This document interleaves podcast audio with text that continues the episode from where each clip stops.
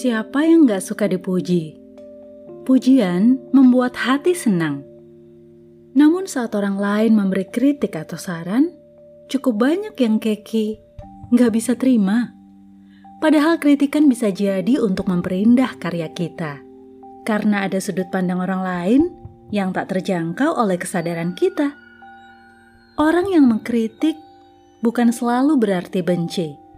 Orang yang memberi saran bukan selalu bermaksud ingin menjatuhkan. Perlu berjiwa yang besar untuk menerima setiap cara pandang orang lain.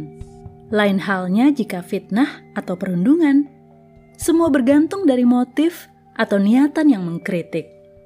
Dan perlu respon yang benar, bahkan terhadap segala sesuatu hal yang tidak benar sekalipun.